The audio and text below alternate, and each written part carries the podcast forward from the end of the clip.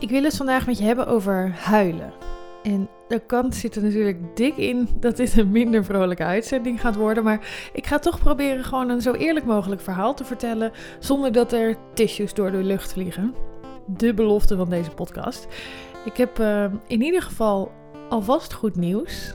Hoe erg het in het begin is, dat, dat zo erg blijft het niet per se, je hele rouwperiode. Maar Weet je, huilen, dat moet je wel uh, als je iemand bent verloren, een soort van gaan omarmen in je leven. Want ja, ik weet niet hoe het voor anderen zit, maar ik heb toch het gevoel dat dat nooit meer gaat verdwijnen in mijn leven. En dat rouw en dus regelmatig huilen wel een onderdeel blijft van mijn leven.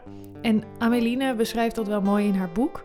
Die zegt: In het begin is het een gigantische steekwond recht in je hart. Maar ook al blijft het gemis bestaan, het is op een gegeven moment gewoon niet meer zo op de voorgrond aanwezig. Het is dan eerder een stuk glas waar je af en toe intrapt en dat doet ook zeer, maar je hoeft daarvoor niet meer naar het ziekenhuis, bij wijze van spreken. Nou, dat vond ik wel een mooie omschrijving hiervan. Let's talk about death, baby. Let's talk about loss and grief. Let's talk about all the feelings and the struggles death can bring. Let's talk about death, baby. Let's talk about loss and grief. Let's talk about all the feelings and the struggles death can bring. Let's talk about death. Oké, voordat ik ga beginnen met kletsen over huilen, wil ik uh, een kort verhaaltje vertellen. Afgelopen week liep ik uh, eigenlijk elke dag wel in het bos in de sneeuw. Normaal gesproken vind ik het bos niet de meest ideale plek om te wandelen. Ik ga liever naar het strand. Ik vind altijd een beetje spannend in mijn eentje of zo. Maar nu met de sneeuw is het ineens een soort van fluffy wit paradijs geworden. En kom ik er elke dag. Ik was na de lunch even met mijn vriend een wandeling aan het maken. En toen zagen we op het pad ineens een vogeltje zitten.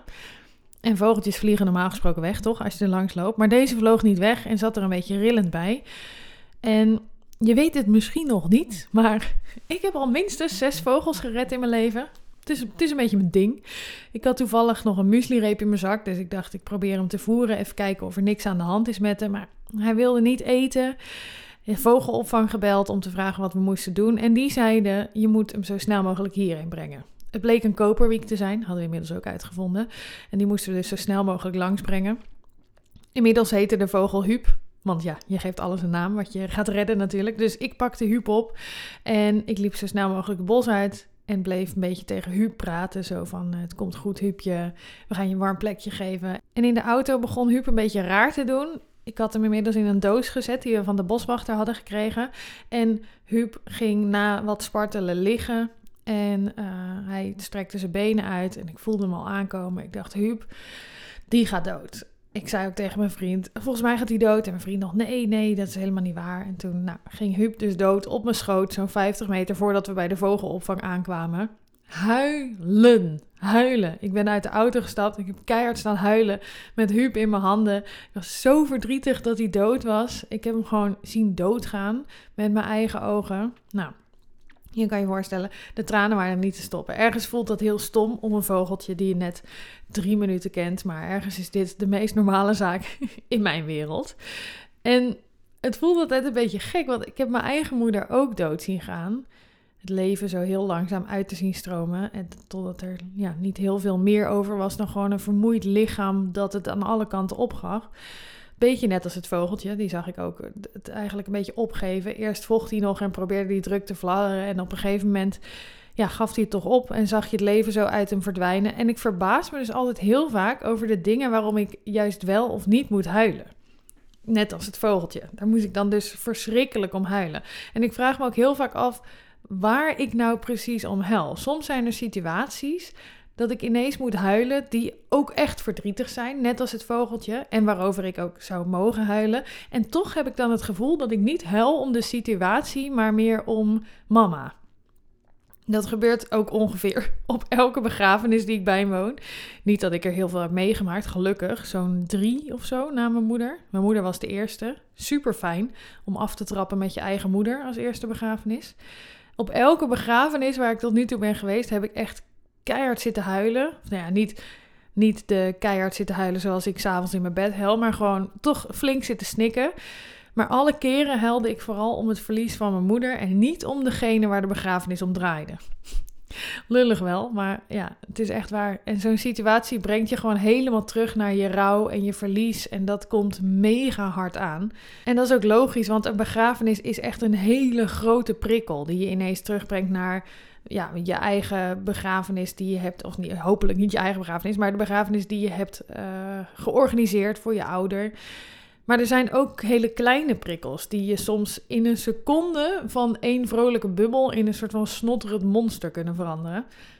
En bij mij is dat wel muziek als meest voorkomende, denk ik. Maar ook vogels en regenbogen en kuilen in het zand. En mensen met maanoogjes, schaatsende mensen, toptijd dit. Uh, skatende mensen, hangmatten, opmerkingen zoals ik zweet met peentjes of uh, ik hou van je. Dat doet het ook altijd goed. Kan ik ook zomaar om huilen.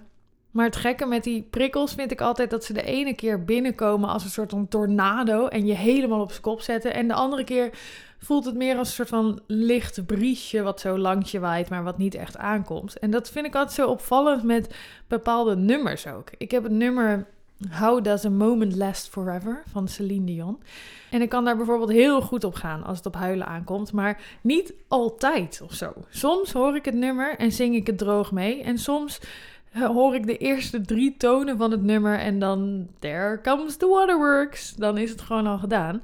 Het ligt er volkomen aan op welk moment ik zit, waar ik met, op dat moment met mijn hoofd zit, in welk gevoel ik in mijn lichaam zit, wat er overheerst en ook een beetje hoe vol de emmer is. Mijn verdriet moet gewoon af en toe geleegd worden. Ik zie het altijd een beetje als een prullenbak. Op een gegeven moment is de bak gewoon vol. En dan probeer je het nog aan te stampen en soms steekt er hier en daar wat uit. Maar op een gegeven moment past er gewoon niks meer bij en dan moet je het even legen. En dat legen, dat ziet er vaak uit uh, als huilen. Ja, dat is vaak in de vorm van huilen. En dat is ook voor de buitenwereld soms wel lastig, want de eerste reactie van mensen als ze iemand zien huilen is troosten. En dat kan nou net een ontzettend vervelende reactie zijn als je rouwt en probeert het verdriet eruit te laten. Want jouw prullenbak is vol, jij probeert gewoon het juiste te doen, even je prullenbakje legen. Maar andere mensen die denken, oh, dit is niet goed, hier moeten we wat aan doen. En ik had het hier toevallig over met uh, een call met Romy Hommerson uit een eer eerdere podcast en andere clubleden. Mensen willen je graag troosten. Ze hebben het gevoel dat er een probleem is, want je bent aan het huilen.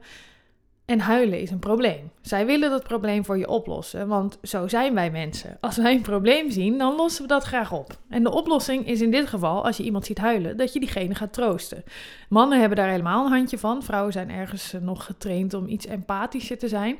Als wij bijvoorbeeld zeggen, uh, Karel op mijn werk deed echt super gemeen tegen me vandaag. Nou, dan zegt een vriendin misschien eerder, oh wat erg, wat vervelend. Dat, dat klinkt echt naar. En een vriend is eerder geneigd te zeggen van, uh, oh dan moet je gewoon zeggen dat hij zijn mond moet houden. Of uh, gewoon niet op reageren. Ik weet niet waarom dit een Brabants accent werd, sorry. Mannen leveren gewoon graag een oplossing, dat probeer ik te zeggen. Ook al heeft een situatie soms medeleven nodig, we zijn toch geneigd om eerder een oplossing te bieden. En dat geldt ook met huilen. Dat is gewoon ook met huilen zo. In het begin van mijn rouw, als ik huilde, mijn vriend kwam me gelijk troosten. Zo van, het komt wel goed. Nou, die leugen kennen we allemaal. Of van die uitspraken uh, van, uh, nou, je hebt in ieder geval hele mooie herinneringen. Of um, je hebt nog fijn afscheid genomen of iets. Nou ja, niks doet het natuurlijk goed. Of nog erger, dit is de ergste vind ik. Als ze zeggen, oh, stil maar. Of, dat, oh, dat ge... Dat ge... daar kan ik echt zo slecht tegen als mensen dat doen als ik aan het huilen ben. Want als er iets kut is, als je net even lekker je rouw probeert uit te laten, dan is het wel iemand die je de mond probeert te snoeren. Je hebt namelijk net de oplossing van je pijn gevonden. Even gewoon alles eruit laten, zodat je daarna weer met een iets lichter hoofd en lijf verder door het leven kunt huppelen. Huilen is voor jou de oplossing en niet het probleem. En iemand die je aan het troosten is, die denkt dat hij de oplossing aan het bieden is. Maar eigenlijk is hij de oplossing, die er dus al ligt, het huilen, aan het wegwerken. Of aan het vertellen aan jou, dit is niet hoe je moet doen. Of dit maakt me ongemakkelijk. Huilen is de oplossing en niet het probleem. Dat is een heel belangrijk inzicht. Bedenk je dus ook goed als je iemand aan het troosten bent of diegene daar überhaupt behoefte aan heeft. Of dat het misschien fijner is voor diegene om gewoon even iemand te hebben om tegenaan te snotteren die je pijn erkent en vooral iemand die het niet probeert weg te werken. Iemand die gewoon instemt bij het gevoel dat je hebt en je even lekker laat zijn wie je bent. Gewoon één verdrietig, snotterend hoopje mens. Troosten zit een beetje in onze natuur, maar mensen zijn ook vaak geneigd te troosten voor zichzelf. Als je iemand ziet huilen, dan vind je dat misschien een beetje ongemakkelijk of pijnlijk om te zien, want je houdt ook van diegene. Dus het doet pijn om iemand te zien huilen en je wil dat het stopt, zodat jij ook die pijn en dat ongemak niet meer voelt.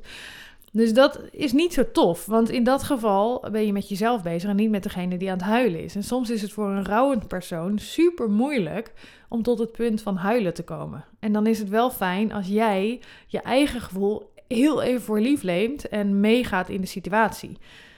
Kijk, bij, vage kennissen kan ik me voorstellen hoor. Maar vrienden of vriendjes of vriendinnetjes of familie of mensen die dicht bij je staan, die zouden toch wel rekening moeten houden met het feit dat ze misschien even hun eigen ongemak en pijn aan de kant moeten zetten om ruimte te geven voor jouw verdriet. Dus zeg dat ook vooral tegen ze. En mocht jij luisteren en diegene zijn die buitenstaander zijn, die wel eens iemand in zijn omgeving heeft die rouwt of die huilt.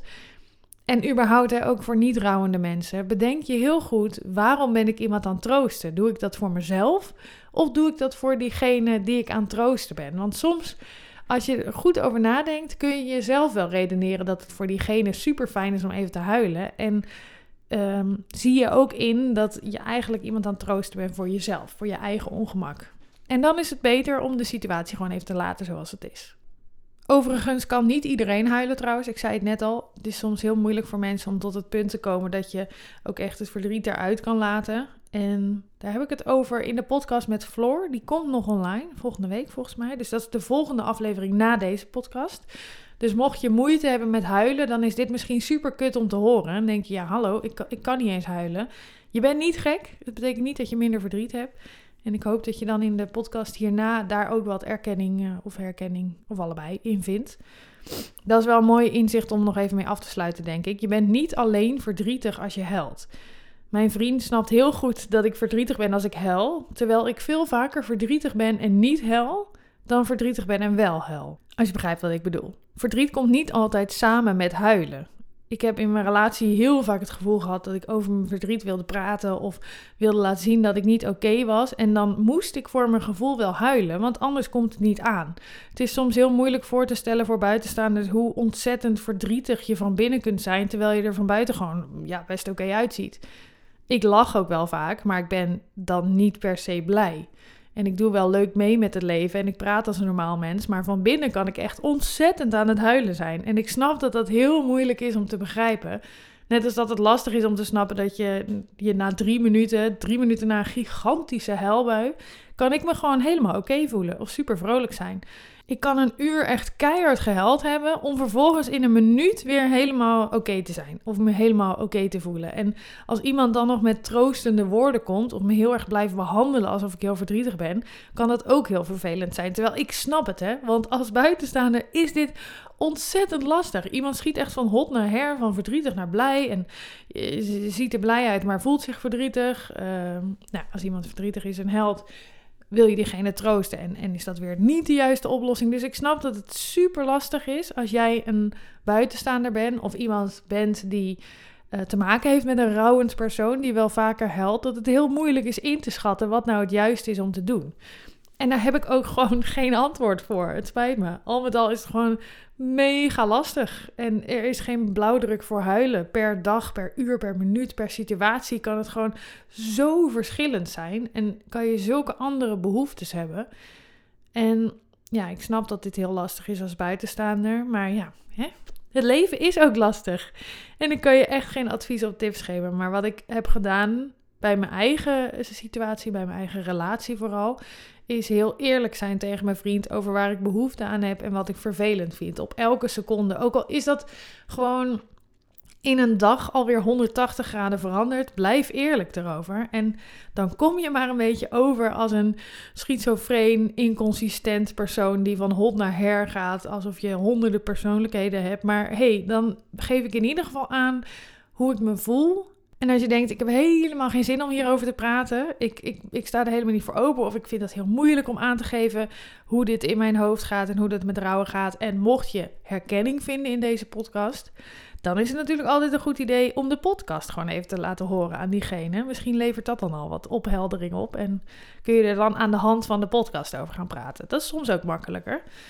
Maar probeer te blijven praten als dat kan, want het is gewoon ook voor omstaanders heel moeilijk om te begrijpen wat er in jou omgaat, omdat het zo verwarrend en chaotisch en verschillend kan zijn. Uh, dus je kunt het ze ook niet altijd kwalijk nemen. Eigenlijk kun je ze nooit kwalijk nemen dat ze niet begrijpen hoe jij je voelt en waar je behoefte aan hebt. Want inleven in iemand die rouwt, zonder dat je zelf rouw mee hebt gemaakt, is gewoon, ja, dat is gewoon praktisch onmogelijk. Oh ja, en nog een laatste dingetje wat ik wilde delen als het om huilen gaat. Als je net als ik soms huilt als een kind en om je moeder schreeuwt alsof je er weer terug naar de wereld kan roepen, je bent niet alleen, geloof me. Ik doe het ook nog. Ik lig soms ook in bed te schreeuwen, te huilen als een kind. En dan vind ik dat stukje van Ronald Goedemond altijd wel grappig. Die laat zien waar je een soort van doorheen gaat met je gedachten als je aan het huilen bent. En soms heb ik dat inderdaad ook aan het eind. Ik zal het even laten horen. Ik heb veel zitten janken. Ik heb uh, zitten doorjanken. Ken je dat doorjanken? Doorjanken? Dus je zit janken en je tranen zijn op en je gaat gewoon door met janken. Dat is doorjanken, dat heb ik veel gedaan. Was eerst, zo in de, eerst in de liggen, zo. Met, uh, met zo'n kussentje tussen mijn benen. Ik prettig. En, uh, en dan ging ik zo, hè. Dat was zo... Het is helemaal droog, hè? Helemaal geen tranen.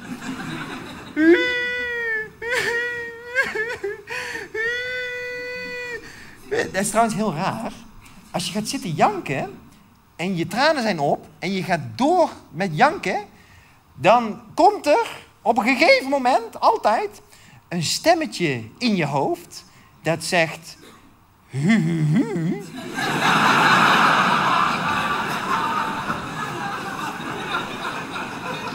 nou, zijn we gewoon rare geluidjes aan het maken, of niet Ronald? Hij is hu hu. En is er wel een echte hu Ga eens terug naar de pijn, Ronald. Ga eens naar een echte hu En dan ga je zoeken.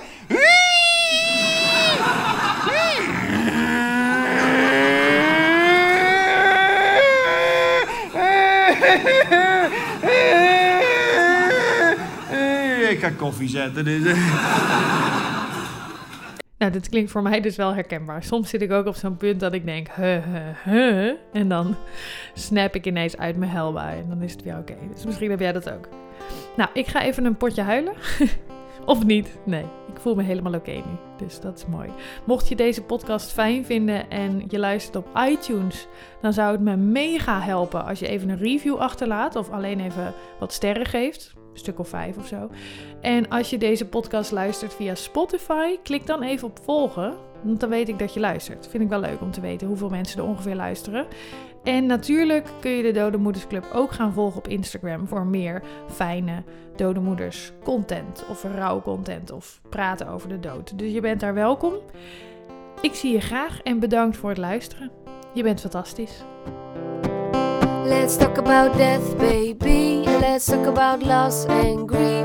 Let's talk about all the feelings and the struggles death can bring. Let's talk about death, baby. Let's talk about loss and grief. Let's talk about all the feelings and the struggles death can bring. Let's talk about death.